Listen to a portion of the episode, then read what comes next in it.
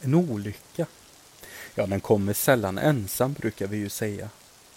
Och nog finns det något extra bittert när det känns som att vi inte kan påverka vår situation. Hur gott vi än försöker agera bra blir utfallet ändå lika olyckligt. Ja, i oss människor finns det nog en slags inneboende förväntan att livet ska vara rättvist. Eller åtminstone inte straffa oss i onödan. Ni vet det där med karma och sånt. Ändå har vi stått där mitt i spöregnet med den missade bussen och matkassen i papper. För inte tänker jag betala 12 kronor för en sketen plastpåse. Som nu börjar falla isär och konservburkar och kiwifrukter börjar tävla om vem som först kan komma ut på vägen och bli påkörd.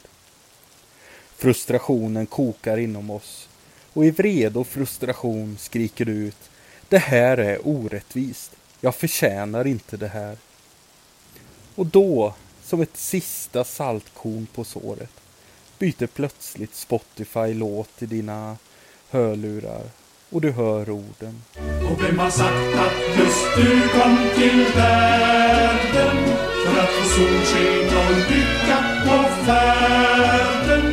Att under stjärnornas glans bli purrad ut i en skans Att få en kyss eller två i en yrande dans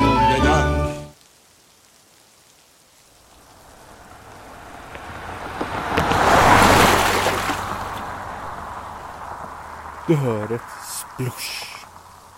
Kvar på vägen är den sista mosade kiwin och spåren efter vattenkaskaden och leran som landade på dig när Teslan körde förbi. Mitt namn är Kent Sanfridsson och det här är Sagor kring härden.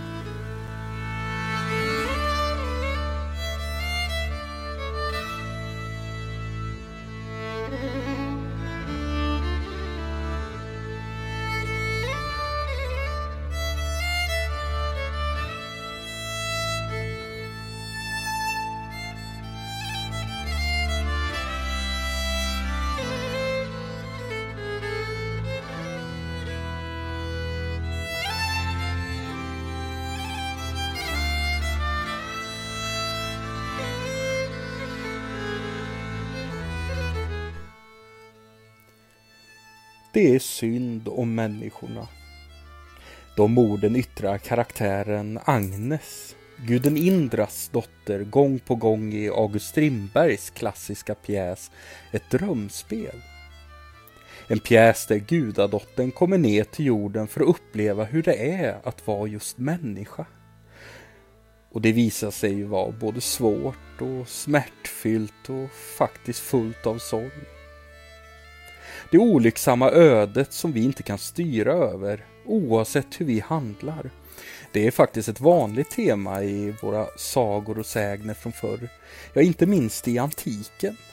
I de grekiska myterna är det Moriai, eller de tre gudarna Kelofo, Lachesis och Atropos som tillsammans personifierar det kosmiska ödet och ansvarar för att varje människa följer sin bestämda bana. Från vaggan ända till graven. En väg som ingen kan undkomma. Något vi möter i några av de här klassiska grekiska tragedierna som kung Oidipus eller Medea och Jason. Men även i den äldre nordiska mytologin möter vi ju ödet i form av tre personer. De som kallades för nornorna Urd, Verdandi och Skuld. Och likt de grekiska Moriai spinner de trådar som symboliserar det mänskliga livet som en dag ska klippas av. Vare sig vi vill det eller ej. Men tänk om det inte var människan själv utan något helt annat som griper in och räddar oss från ett till synes orubbligt öde. I dagens berättelse möter vi just en sån person vars öde av allt att döma är utmätt. Men så dyker upp en figur som lyckas vända upp och ner på det hela med hjälp av lite list. Denna saga är mycket gammal och återfinns på flera platser runt om i världen. Men kanske kan vi hitta den äldsta versionen i den indiska fabelsamlingen Pancha Tantra som skrevs för mer än 2200 år sedan. Där den fått namnet Tigen, Braminen och Schakalen. Och där är det inte en grön gubbe och en drake som i dagens berättelse. Utan där är huvudkaraktärerna en hinduisk präst, en så kallad bramin som stöter på en tiger som sitter fast i en fälla. Versionen som jag kommer läsa upp idag den är nedtecknad i Kila socken av Folke Linder 1930 och är berättad av Anna Lekberg född 1843 i Åmål. Slå dig ner. Lyssna till eldens sprakande ljud. Nu börjar vi.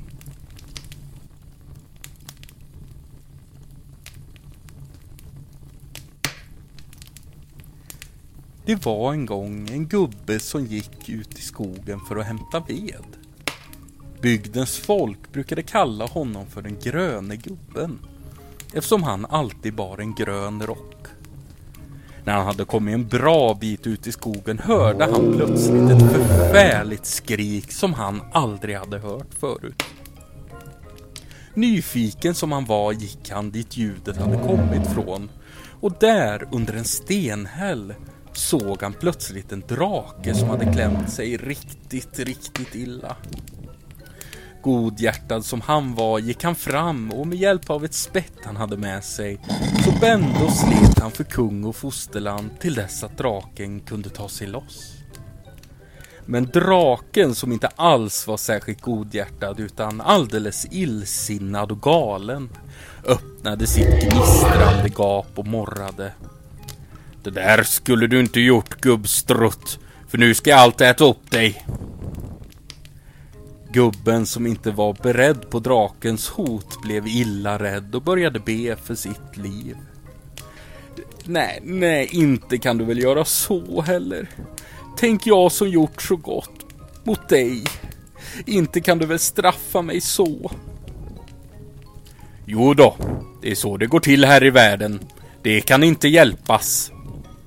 Men snälla draken, du kan väl åtminstone vänta tills någon kommer förbi som kan döma mellan oss om det här verkligen är rätt. Och trots att draken bar ett så förhårdnat hjärta fanns där en liten gnutta av barmhärtighet och han lät gubben få som han ville. Han visste trots allt att inget djur skulle våga säga nej till en stor farlig drake.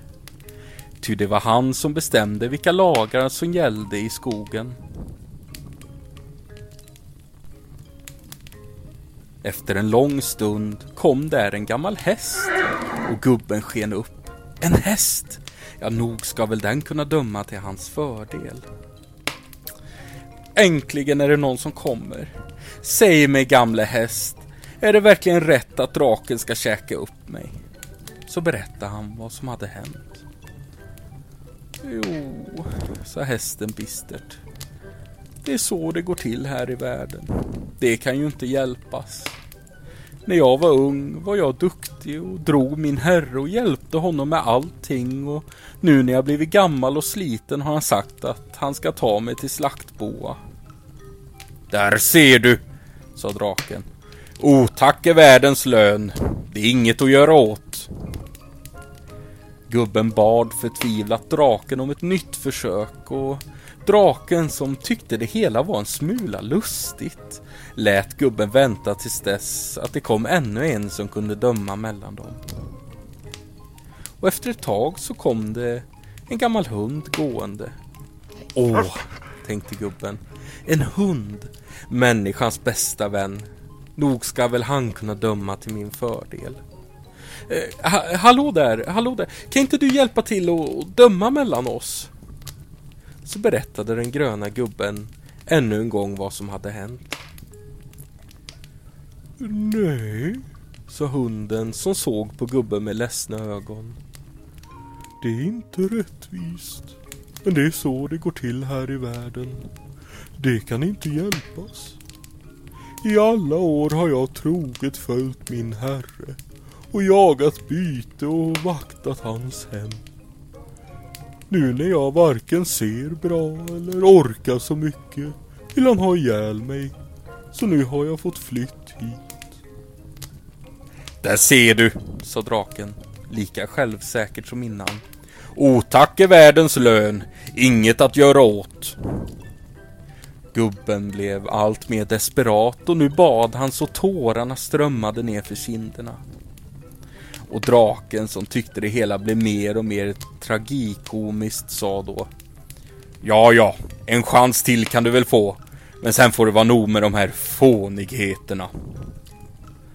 Draken och gubben väntade, men det verkade inte komma några fler djur. Tiden gick och draken blev mer och mer otålig. Men då dök det upp ett djur. Det var räven. Äsch, tänkte gubben.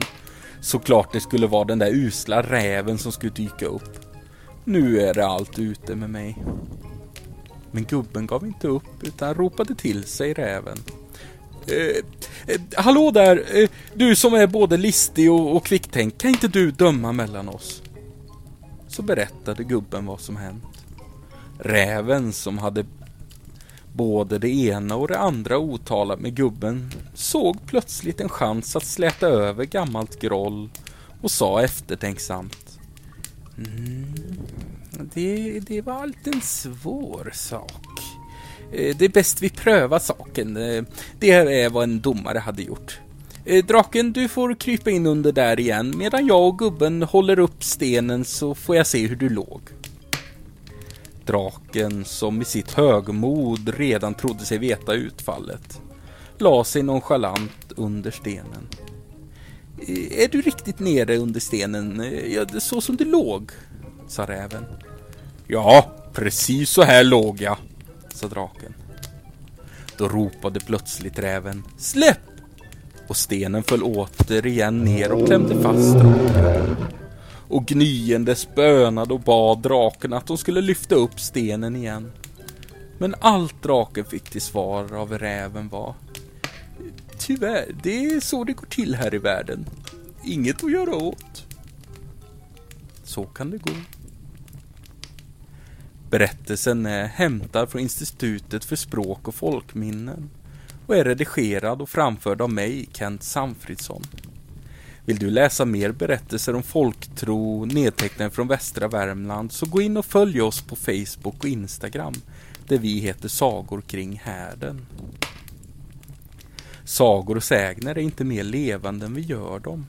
Så dela dem gärna till vänner och fränder där ute och glöm inte att betygsätta oss. Tack för att du har lyssnat på Sagor kring härden.